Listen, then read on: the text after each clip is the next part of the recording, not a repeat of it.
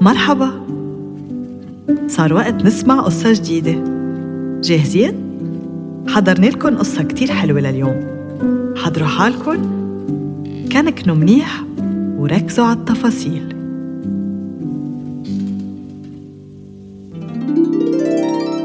قصة هانسل وجريتل. كان يا مكان بقديم الزمان حطاب عايش حد الغابة مع ابنه هانسل وبنته جريتل. وكان فقير وأنجأ قادر يعيش عيلته. أمهم لهانسل وجريتل ماتت لما كانوا صغار وبعد كم سنة بيّن رجع تجوز وكانت مرت بيّن تنزعج منهم وتحس إنهم بياكلوا كتير.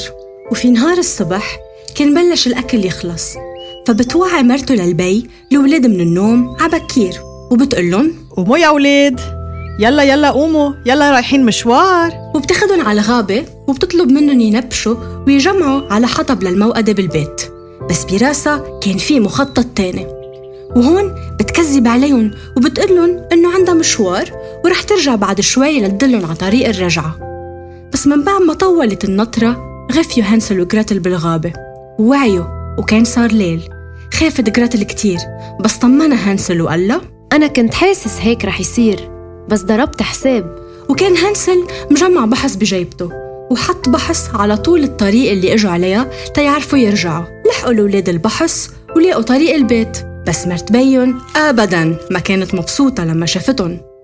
تاني نهار قررت تبعد لهم المشوار بالغابة.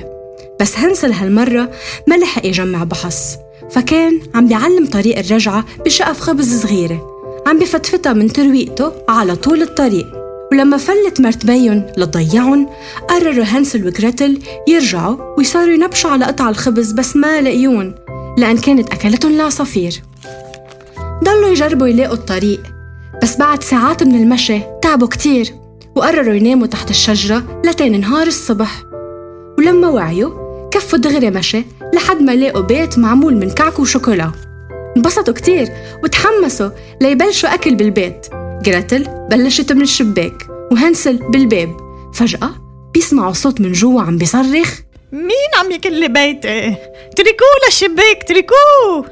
وبتظهر مرة ختيارة بشعة كتير لبرا لدرجة منظرها خوف الولاد بس هي ما عملت شي غير إنه تبسمت لهم بتعزمهم يفوتوا يتدفوا وياكلوا والولاد من طيبة قلبهم سمعوا الكلمة.